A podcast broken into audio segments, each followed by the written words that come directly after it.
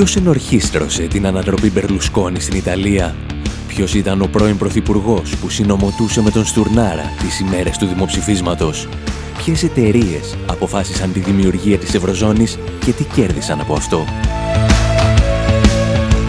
Οι δημιουργοί των ντοκιμαντέρ «Χρεοκρατία», «Καταστρόικα» και «Φασισμός ΑΕ» επιστρέφουν με μια νέα παραγωγή. This is not a coup. Δεν ήταν πραξικόπημα, είναι η Ευρωπαϊκή Ένωση. Μάθε πώς μπορείς να βοηθήσεις και εσύ την ολοκλήρωση του ντοκιμαντέρ στη διεύθυνση infowarproductions.com Η διεύθυνση infopavlawar.gr Η εκπομπή Infowar με τον Άρη Χατζηστεφάνου.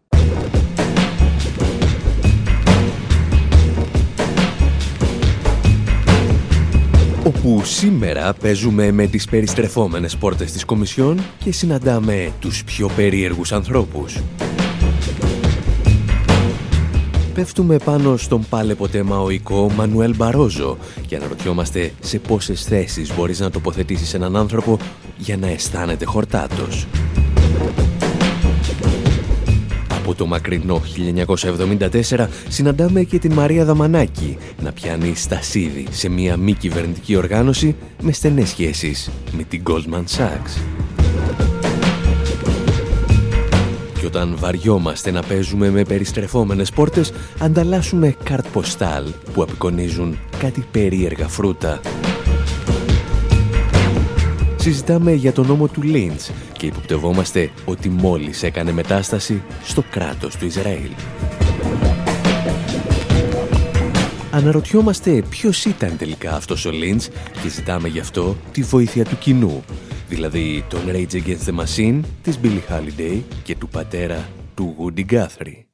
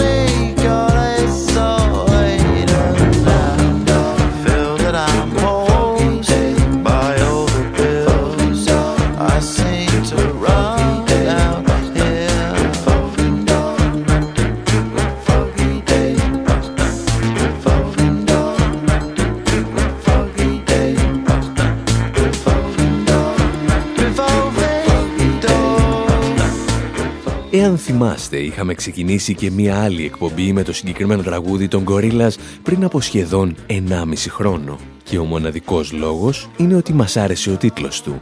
Revolving Doors, περιστρεφόμενες πόρτες.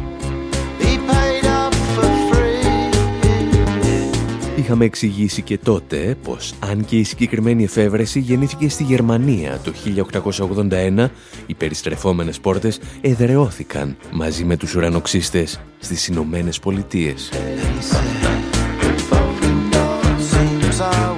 Γιατί είναι στους ουρανοξύστες που χρειάζεσαι μία πόρτα από την οποία θα περνούν πολλοί άνθρωποι χωρίς να περνά μεγάλη ποσότητα αέρα.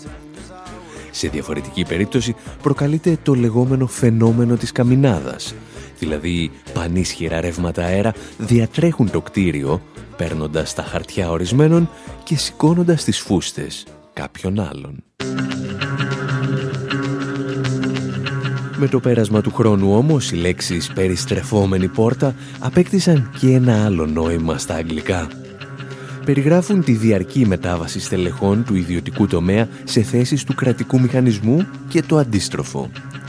Μας τα εξηγούσε όμως πολύ καλύτερα η Βίκη Καν από την οργάνωση Παρατηρητήριο της Ευρώπης των Πολυεθνικών. Well, the revolving door is when um, um, public officials leave Um, Μιλάμε για περιστρεφόμενες πόρτες όταν δημόσιοι αξιωματούχοι μετακινούνται σε θέσεις του ιδιωτικού τομέα όπου μπορεί να προκύψει σύγκρουση συμφερόντων. Όταν δηλαδή οι ιδιωτικές εταιρείες αποκτούν τον έλεγχο. Οι περιστρεφόμενες πόρτες όμως μπορεί να κινούνται και προς την αντίθετη κατεύθυνση, όταν στελέχοι επιχειρήσεων αποκτούν δημόσια αξιώματα private sector into um, public roles. Το παρατηρητήριο της Ευρώπης των Πολυεθνικών είναι ένα από τα σημαντικότερα ερευνητικά κέντρα της Ευρώπης σε ό,τι αφορά τη διαπλοκή της Ευρωπαϊκής Ένωσης με πολυεθνικές επιχειρήσεις. Σκαλίζει μεταξύ άλλων τα πιο δυσόδη σημεία της Κομισιόν και συνήθως ανακαλύπτει μαργαριτάρια που τα φιλοευρωπαϊκά μέσα ενημέρωσης επιχειρούν να αποκρύψουν. Την περασμένη εβδομάδα το παρατηρητήριο παρουσίασε μία από τις μεγαλύτερες έρευνες για τις περιστρεφόμενες πόρτες της Ευρωπαϊκής Επιτροπής. Για τον τρόπο δηλαδή που οι επίτροποι περνάνε σε πολυεθνικές επιχειρήσεις, αλλά και για τα στελέχη κολοσσίων επιχειρήσεων που συνδέονται με την Ευρωπαϊκή Επιτροπή. Και το πρώτο συμπέρασμα στο οποίο κατέληξαν είναι ότι οι επίτροποι του Μπαρόζο έκαναν τις περιστρεφόμενες πόρτες ελικόπτερο. Of, um, 26 commissioners who left um, the European Commission in um, 2014 when uh, από τους 25 επιτρόπους που αποχώρησαν από την Ευρωπαϊκή Επιτροπή του Μπαρόζο, το 1 τρίτο έπιασε δουλειά σε μεγάλες επιχειρήσεις ή σε θέσεις που σχετίζονται με μεγάλες επιχειρήσεις. Και αυτό είναι το βασικό αντικείμενο της κριτικής που ασκούμε στη νέα έκθεσή μας.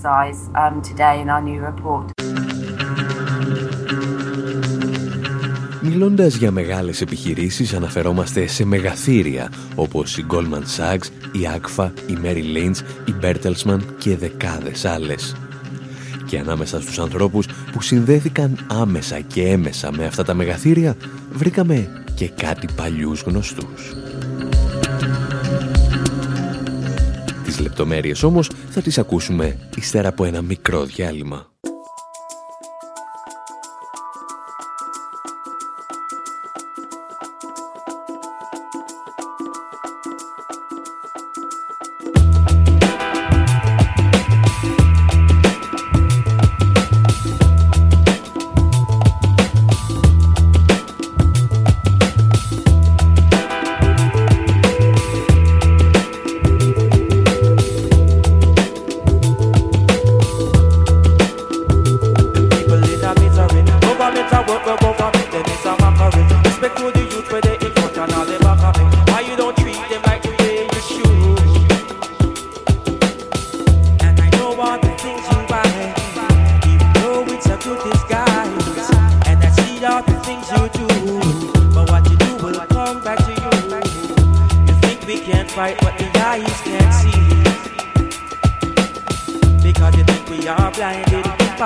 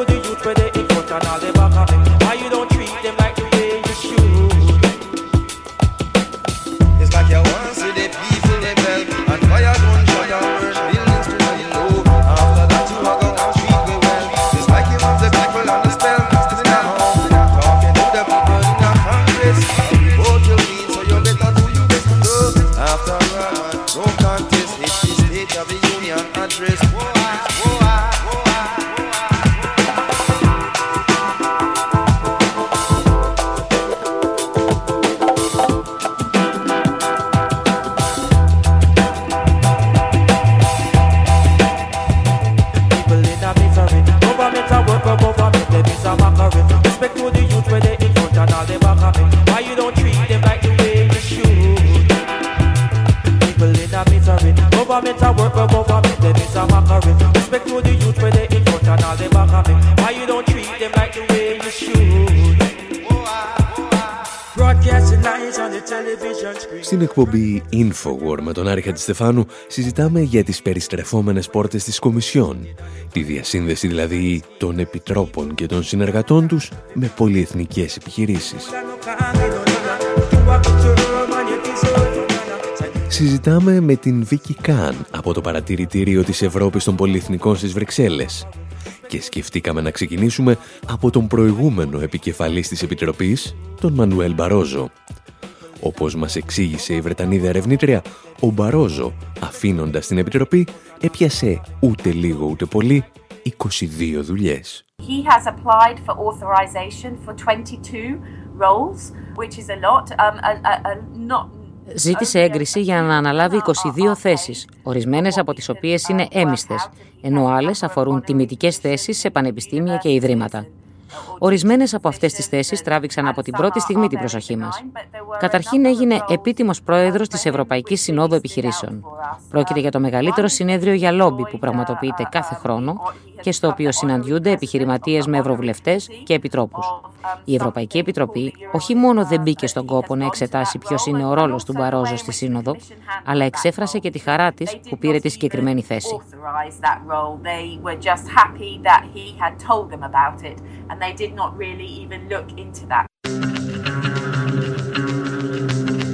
Ο Μπαρόζο δεν είναι φυσικά ένας τυχαίος κομισάριος και πολύ περισσότερο δεν είναι άγνωστος στην Ελλάδα. Εάν θυμάστε, σχεδόν αμέσως μόλις ανέλαβε για πρώτη φορά τα καθήκοντά του, έλαβε μια προσωπική πρόσκληση από τον Σπύρο Λάτσι, η οποία θα μπορούσε να συνοψιστεί στη φράση «Έχω και γιότ, θέλεις να πάμε μια βόλτα» Εκείνη η πρόσκληση στο γιοτ του Λάτση στοίχισε στον Μπαρόζο μια πρόταση μομφής, η οποία τελικά κατέπεσε.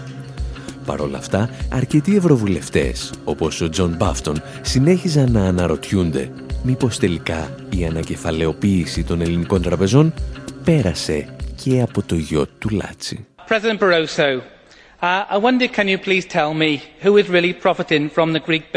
Πρόεδρε Μπαρόζο, θα μπορούσατε σας παρακαλώ να μας πείτε ποιος πραγματικά ωφελείται από το πακέτο διάσωσης της Ελλάδας; Είναι ο ελληνικός λαός ή ένας από τους πλουσιότερους Έλληνες τραπεζίτες, ο Σπύρος Λάτσης, ο οποίος κατέχει το 40% της τρίτης μεγαλύτερης τράπεζας της χώρας, της Eurobank. Θα μπορούσε η προσωπική σας φιλία με το Λάτση να συνιστά σύγκρουση συμφερόντων. Σας ευχαριστώ.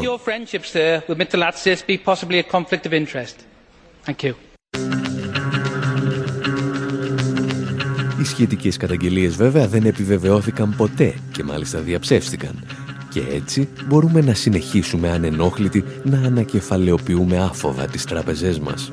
Οι καταγγελίες όμως για τον Παρόζο συνεχίζονται και αρκετές από αυτές αφορούν μία από τις 22 θέσεις που κατέλαβε μετά την αποχώρησή του από την Κομισιόν. And then the other particularly shocking role of, um, of Barroso η δεύτερη θέση του Μπαρόζο που μας προκάλεσε σοκ είναι η τοποθέτησή της στην Οργανωτική Επιτροπή της Λέσχης Μπίλτεμπεργκ. Πρόκειται για μια ακόμη μεγάλη διοργάνωση για λόμπι που φέρνει μαζί επιχειρηματίες και πολιτικούς από την Ευρώπη και τις Ηνωμένες Πολιτείες. Οι εκδηλώσεις της καλύπτονται από μυστικότητα, καθώς δεν παρουσιάζονται ούτε καν τα υποσυζήτηση θέματα. Θα μπορούσε κάποιος να πει ότι προκαλεί έκπληξη το γεγονός ότι ο Μπαρόζο ανέλαβε αυτή τη θέση. Εμείς όμως πιστεύουμε ότι ήταν αναμενόμενο αν αναλογιστεί κανείς πώς λειτουργούσε η Ευρωπαϊκή Επιτροπή υπό την καθοδήγησή του. Και εσείς που ζείτε στην Ελλάδα, μάλλον θα συμφωνήσετε ότι η Επιτροπή Μπαρόζο βρισκόταν συχνά πολύ κοντά σε μεγάλα επιχειρηματικά συμφέροντα.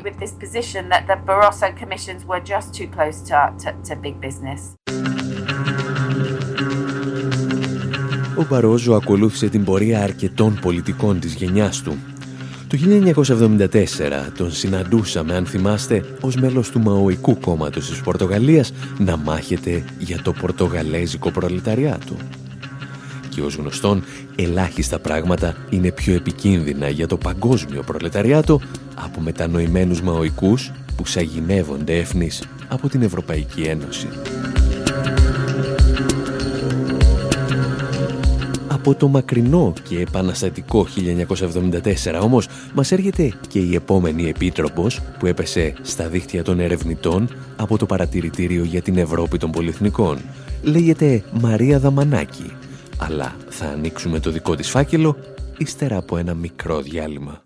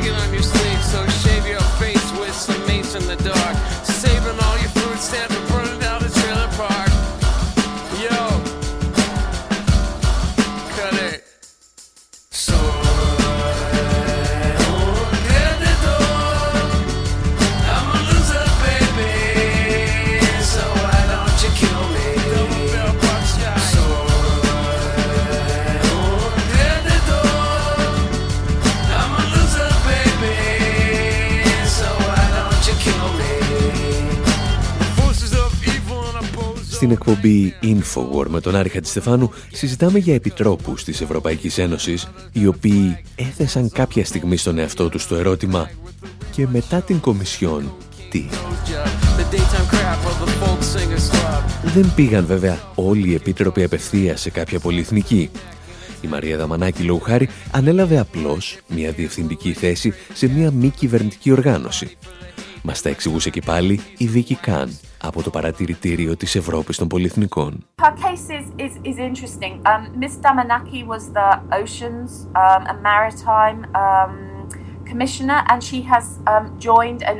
Η περίπτωσή της παρουσιάζει ιδιαίτερο ενδιαφέρον. Η Δαμανάκη ήταν επίτροπος για την αυτιλία και την αλληλεία και στη συνέχεια εντάχθηκε σε μια μη κυβερνητική οργάνωση με το ίδιο ακριβώς αντικείμενο. Θεωρώ όμως ότι προκύπτουν κάποια ζητήματα. Το Διοικητικό Συμβούλιο της Οργάνωσης αποτελείται από πρώην και νυν στελέχη επιχειρήσεων που θεωρώ ότι συνεχίζουν να εκπροσωπούν τα συμφέροντα των εταιριών τους. Μάλιστα, ο επικεφαλής του Προεδρείου εργαζόταν για την Goldman Sachs για 24 χρόνια. Η συγκεκριμένη οργάνωση έχει δεχθεί σφοδρή κριτική στις ΗΠΑ για τις σχέσεις της με επιχειρήσεις και ως εκ τούτου θεωρώ απλουστευτικό να πούμε ότι η Ευρωπαϊκή Επιτροπή δεν σκέφτηκε για την πιθανή σύγκρουση συμφερόντων από τη νέα θέση της κυρίας Δαμανάκη.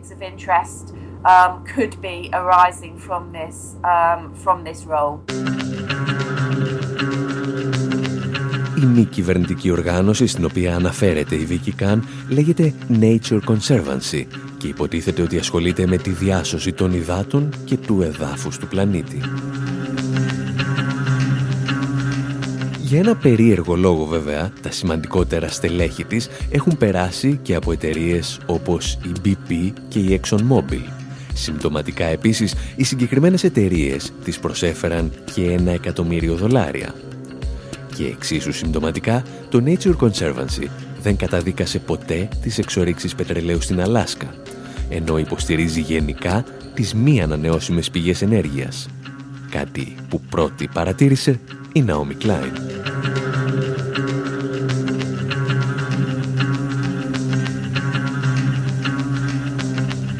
Η λίστα με τις αμαρτίες των πρώην κομισάριων είναι πραγματικά απολαυστική αλλά και τεράστια και μπορείτε να την διαβάσετε ολόκληρη στη σελίδα μας info.pavlawar.gr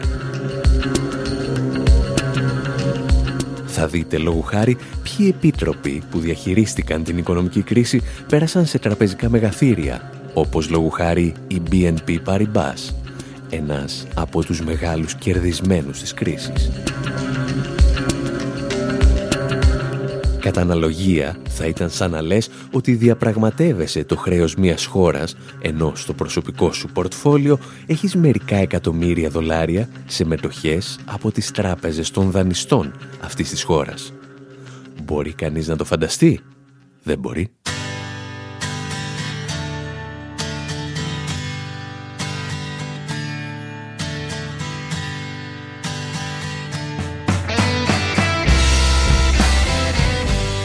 Γι' αυτό και εμείς λέμε στο σημείο αυτό να πάμε να κρεμαστούμε από κανένα δέντρο.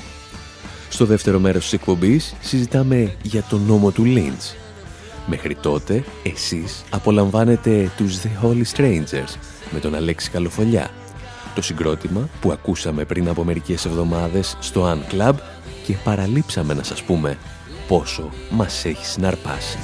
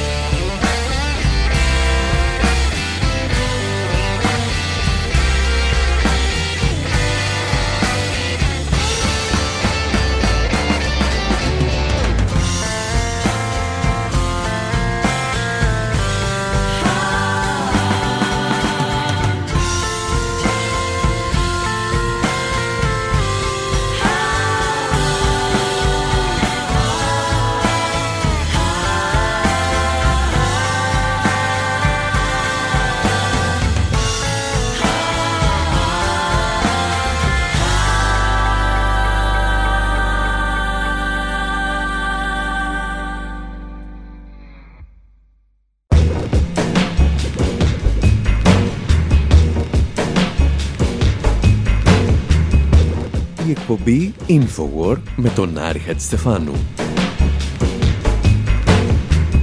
Όπου σήμερα αναρωτιόμαστε ποιος είναι αυτός ο Λίντς και γιατί έδωσαν το όνομά του σε ένα νόμο. Παρέα με την Billie Holiday παρακολουθούμε περίεργα φρούτα να κρέμονται από τα δέντρα. Αλλά όταν τα πράγματα ζορίζουν αφήνουμε και τους Dead Kennedys να λιντσάρουν και μερικούς γεωκτήμονες. Αναρωτιόμαστε γιατί κάποιοι Ισραηλινοί ζητοκραυγάζουν πάνω από τα παραμορφωμένα πτώματα προσφύγων και Παλαιστινίων και σκεφτόμαστε μήπως έτσι ξεκινά μια τρίτη ιντιφάντα.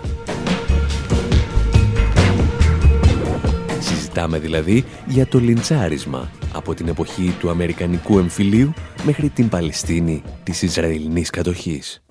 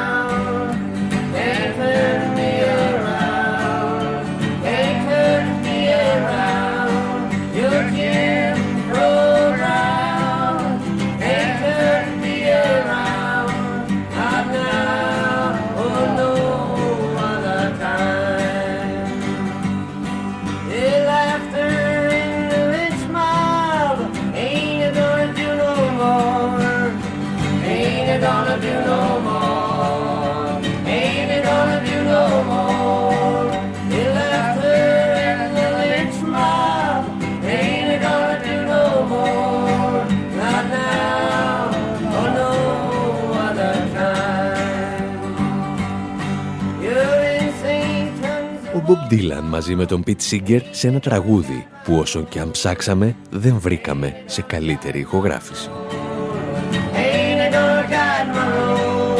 Στο Playboys and Playgirls διηγούνται περίεργες ιστορίες για τους ρατσιστικούς νόμους του Αμερικανικού Νότου που έμειναν σε ισχύ μέχρι και τα μέσα της δεκαετίας του 60. Τραγουδούν όμως και για τα περιστατικά αυτοδικίας των λευκών εναντίον των μαύρων. Το γέλιο του όχλου που λιντσάρει τα θύματα του τώρα θα σταματήσει, τραγουδούσε ο Μπομπ Ντίλαν. Και για αρκετές δεκαετίες φάνηκε να είχε δίκιο. Το λιντσάρισμα, η θανάτωση δηλαδή χωρίς δίκη ενός ανθρώπου από δύο ή περισσότερους πολίτες που δεν έχουν σχετική νομιμοποίηση να το κάνουν, συνδέεται ακόμη στο συλλογικό μας υποσυνείδητο με ιστορίες από την Αμερική του 18ου και του 19ου αιώνα. Μερικές φορές όμως επιστρέφει στις πιο περίεργες μεριές του πλανήτη. Μπορεί τα ειδησιογραφικά πρακτορία να μην έδιναν ιδιαίτερη σημασία, αλλά στο Facebook και στο YouTube κυκλοφορούν εδώ και εβδομάδες βίντεο με πλήθη Ισραηλινών που καλούσαν την αστυνομία και τον στρατό να εκτελέσει εμψυχρό ακόμη και ανήλικους Παλαιστινίους ή πρόσφυγες από χώρες της Αφρικής. Και όταν οι αρχές καθυστερούσαν, αναλάμβαναν οι ίδιοι δράση.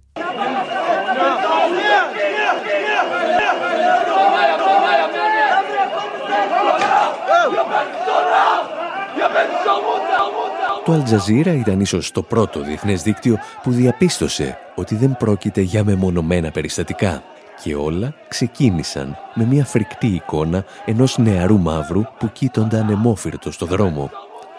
Ομάδες Ισραηλινών περνούσαν και τον κλωτσούσαν.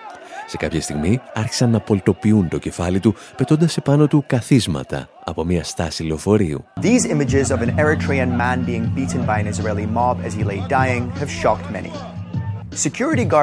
Οι εικόνες από το πλήθος των Ισραηλινών που χτυπάει ένα πρόσφυγα από την Ερυθρέα ενώ αφήνει την τελευταία του πνοή προκάλεσαν σοκ.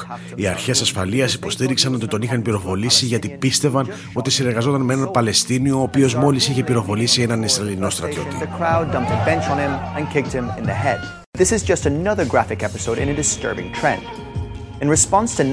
Πρόκειται για ένα ακόμη προκλητικό επεισόδιο σε μια νέα τάση που παρατηρείται. Απαντώντας σε επιθέσεις Ισραηλινών με μαχαίρια, οι επιθέσεις του πλήθους γίνονται όλο και συχνότερες. Πρόσφατα το πλήθος ζήτησε και έπεισε την αστυνομία να εκτελέσει τον 19χρονο Φαντήρ Σαμίρα Αλούν. Σε άλλη περίπτωση, το πλήθος έριξε το έδαφος, έδεσε και γορθοκόπησε μια νεαρή γυναίκα γιατί διαφώνησε με έναν οδηγό ταξί.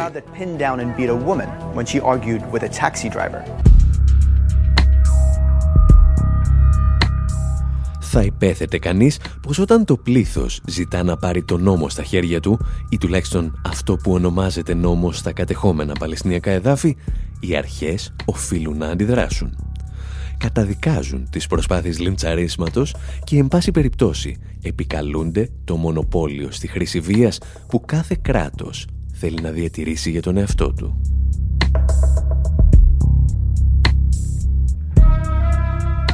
Αυτά όμως δεν συμβαίνουν στο Ισραήλ.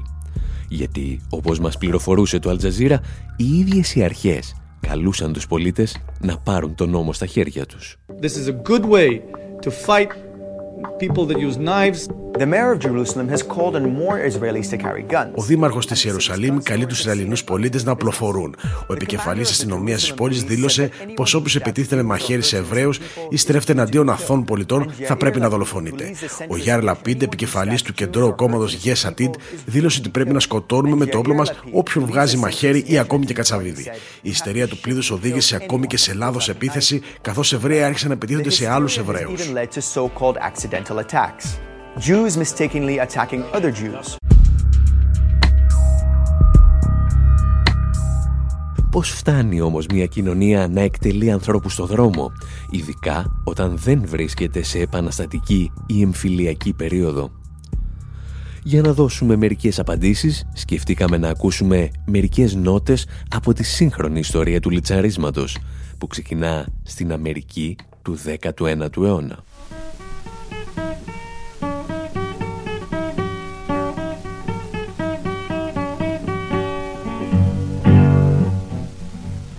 Did you ever see a hangman tie a slip knot? Did you ever see a hangman tie a slip knot? Yes, I seen it many a time, and he whines and he whines. After thirteen times he's got a slip knot. Tell me, will that slip knot slip? No, it will not. Will that slip knot slip? No, it will not. It'll slip around your neck, but it won't slip back again. That slip knot, Lord God, that slip knot. Did you ever lose a brother on that slip knot? Did you ever lose a brother on that slip knot? Yes, my brother was a slave. He tried to escape, and they drug him to his grave with a slip Woody Guthrie τραγουδά για μια θηλιά από αυτές με το χοντρό σκηνή με τις οποίες κρεμάσα ανθρώπους από τα δέντρα. Για την ακρίβεια, τραγουδάει για δύο θηλιές, στις οποίες κρέμασαν μια μαύρη μητέρα μαζί με το 15χρονο γιο της, το 1911.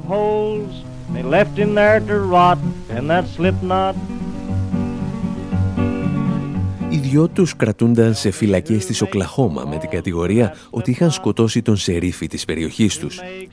Πριν ξεκινήσει όμως η δίκη, ένα πλήθος περίπου 40 ατόμων τους απήγαγε από τη φυλακή και τους κρέμασε από μια γέφυρα. Η μητέρα ονομαζόταν Λόρα Νέλσον και η φωτογραφία από το άψυχο σώμα της που κρεμόταν από τη γέφυρα έγινε και κάρτ ποστάλ. Με 5 cents μπορούσες να την αγοράσεις σαν ενθύμιο και να την ταχυδρομήσεις στους φίλους σου.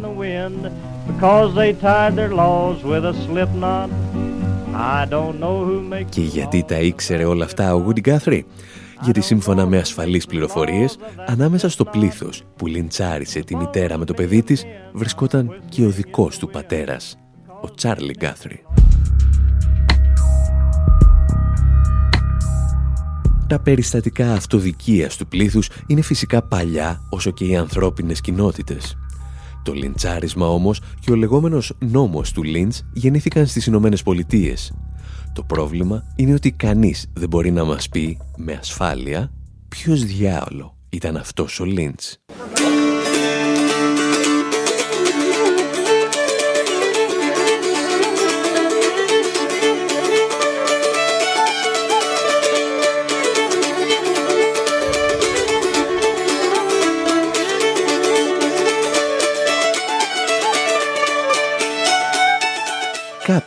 Πιστεύουν ότι ήταν ο Charles Lynch από τη Βιρτζίνια, ο οποίος κατά τη διάρκεια της Αμερικανικής Επανάστασης έστησε μόνος του ένα δικαστήριο και καταδίκαζε τους συνεργάτες των Βρετανών. Άλλοι πάλι λένε ότι νονός του λιντσαρίσματος ήταν κάποιος William Lynch που έζησε την ίδια περίπου εποχή. Όσο για τους Ιρλανδούς υποστηρίζουν ότι προέρχεται από τον James Lynch Fitzstephen, ο οποίος κρέμασε τον ίδιο του το γιο από τον μπαλκόνι γιατί του σκότωσε έναν επισκέπτη από την Ισπανία το 1493. Αυτή την ιστορία όμως δεν την πιστεύει κανένας εκτός από τους Ιρλανδούς. Καλός ή κακός λοιπόν, το λιντσάρισμα θα συνδεθεί με την Αμερικανική ιστορία και ο νόμος του Λίντς θα αρχίσει να αποδίδει καρπούς μετά την απαγόρευση της δουλείας. Και όταν λέμε καρπούς, αναφερόμαστε σε εκείνα τα περίεργα μαύρα φρούτα που κρέμονταν από τα δέντρα και για τα οποία τραγουδούσε η Billie Holiday.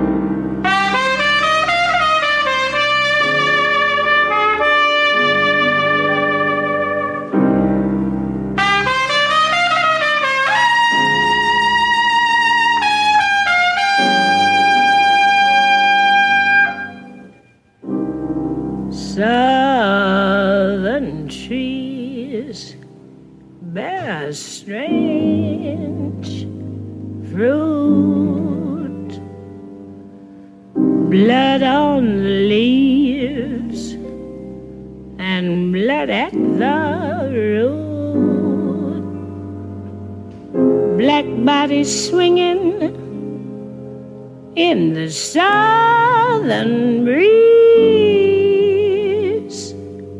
Strange fruit hanging from love.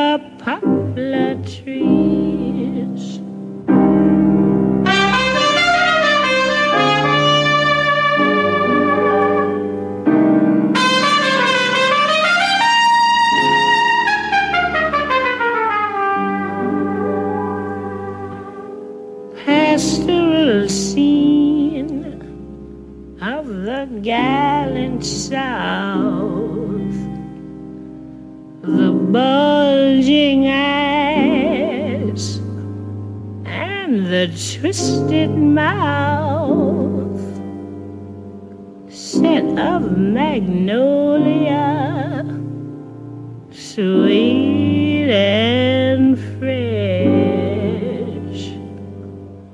Then the sudden smell of burning flesh. Here. Το Strange Fruit προέκυψε από ένα ποίημα που έγραψε ένας δάσκαλος, ο Άμπελ Μέροπολ. Ήταν ο άνθρωπος που μαζί με τη σύζυγό του υιοθέτησαν τα παιδιά του Τζούλιους και της Έθελ Ρόζεμπεργκ, όταν αυτοί εκτελέστηκαν από το Αμερικανικό κράτος με την κατηγορία της κατασκοπίας. Ο Μέροπολ όμως έμεινε τελικά στην ιστορία γιατί διηγήθηκε τις εκτελέσεις ανθρώπων που δεν έφτασαν ποτέ στα έδρανα ενός δικαστηρίου. Το Strange Fruit θα γίνει όπως είπαμε γνωστό από την ερμηνεία της Billie Holiday η οποία περιγράφει ένα φαινόμενο που έχει ξεκινήσει πριν από τον Αμερικανικό εμφύλιο.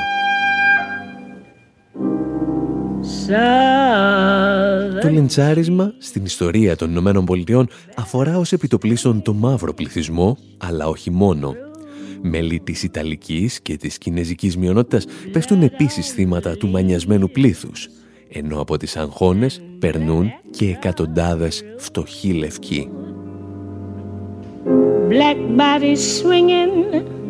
Το Αμερικανικό κράτος μπορεί να ισχυρίζεται ότι δεν φέρει καμία ευθύνη για τα λιντσαρίσματα, ειδικά μετά την καταρρίξη της δουλείας. Για μια διαολεμένη σύμπτωση όμως, το ποσοστό των μαύρων που εκτελούνταν από το πλήθος το 19ο και τον 20ο αιώνα θυμίζει πολύ τα αντίστοιχα ποσοστά των μαύρων που βρίσκονται σήμερα σε κάποια αμερικανική φυλακή. Πάντα είναι πολύ πολύ περισσότεροι από τους λευκούς. Οι ποσοστώσεις παραμένουν οι ίδιες. Αυτό που αλλάζει είναι ο τρόπος της τιμωρίας και ο δίμιος. Ίσως γι' αυτό το λόγο στις Ηνωμένες Πολιτείες χρησιμοποιούν τον όρο lynching και μεταφορικά, όταν ο πατέρας μιας οικογένειας μαύρων καταλήγει στη φυλακή, αφήνοντας πίσω γυναίκες και παιδιά. Αυτό τουλάχιστον υποπτευόμαστε ότι ήθελαν να πούν και οι Rage Against the Machine όταν χρησιμοποιούσαν τη λέξη στο τραγούδι τους Roll Right.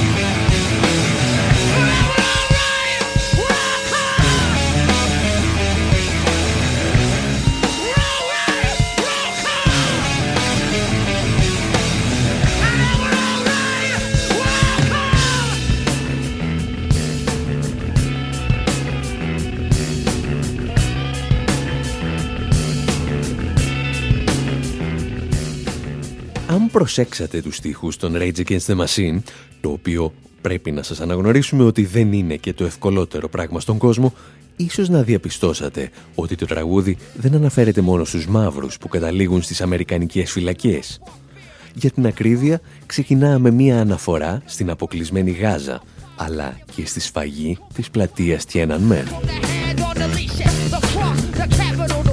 Ο Ζακ Ντελαρόσα παίρνει λέει στα χέρια του μία πέτρα και την πετάει σε έναν Εβραίο έπικο από αυτούς που κατοικούν στα κατεχόμενα Παλαιστινιακά εδάφη. Ακόμη και έτσι όμως γνωρίζει πολύ καλά ότι αυτός που διαταράσει την ειρήνη δεν είναι ο Παλαιστίνιος που πετάει μία πέτρα, αλλά ο Ισραηλινός που ήρθε και του έκλεψε το σπίτι. Γεγονός που μας επαναφέρει στο αρχικό ερώτημα της ιστορίας μας. Πού οφείλεται τελικά το γεγονός ότι το εξαγριωμένο πλήθος Ισραηλινών αρχίζει να εκτελεί ανθρώπους στη μέση του δρόμου;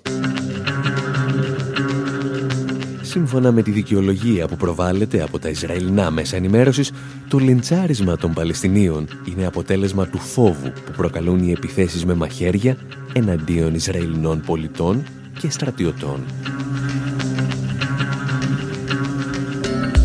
Κάποιοι μάλιστα έσπευσαν να ονομάσουν τις πρόσφατες κινητοποιήσεις των Παλαιστινίων «Ιντιφάντα των μαχαιριών». Τα στοιχεία βέβαια από τα κατεχόμενα Παλαιστινιακά εδάφη συνθέτουν μια εντελώς διαφορετική εικόνα. Ακόμη και από τα δεδομένα της Ισραηλινής κυβέρνησης προκύπτει ότι από τους περίπου 40 Παλαιστίνιους που είχαν δολοφονηθεί από τις αρχές μέχρι τα μέσα Οκτωβρίου, μόνο 10 κατηγορήθηκαν ότι συμμετείχαν σε επιθέσεις με μαχαίρια. Οι υπόλοιποι πυροβολήθηκαν ανεψυχρό από τις αρχές επειδή πετούσαν πέτρες στις Ισραηλινές δυνάμεις κατοχής. Την ίδια ώρα μάλιστα, βίντεο ακτιβιστών αποδεικνύουν ότι σε αρκετές περιπτώσεις οι Ισραηλινές αρχές μαζί με Εβραίους επίκους φυτεύουν ενοχοποιητικά στοιχεία ύστερα από τις δολοφονίες νεαρών Παλαιστινίων. Για την ακρίβεια αφήνουν δίπλα τους από ένα μαχαίρι. Όπως αναγκάστηκε να παραδεχθεί άλλωστε, ακόμη και ένας ανώτατος αξιωματούχος του Ισραηλινού στρατού, οι σποραδικές επιθέσεις με μαχαίρια που πραγματοποιούν Παλαιστίνοι αποτελούν, όπως είπε, απάντηση στη βία ακροδεξιών Ισραηλινών επίκων. Και στο κάτω-κάτω να υποστηρίζει κάποιος ότι ο κατακτητής φοβάται τον κατακτημένο και γι' αυτό προχωρά σε επιθέσεις λιντσαρίσματος εναντίον του, δοκιμάζει τα όρια της λογικής. Κάτι σαν να είσαι Εβραίος και να ισχυρίζεσαι ότι το ολοκαύτωμα δεν ήταν απόφαση του Χίτλερ, αλλά των Παλαιστινίων. Κάτι σαν να είσαι δηλαδή πρωθυπουργός του Ισραήλ.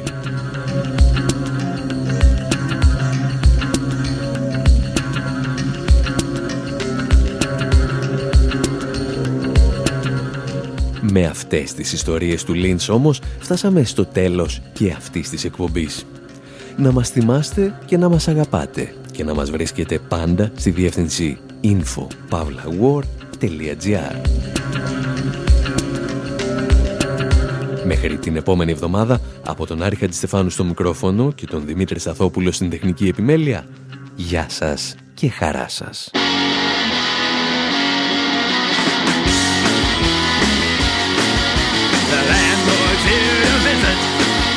They're blasting disco down below.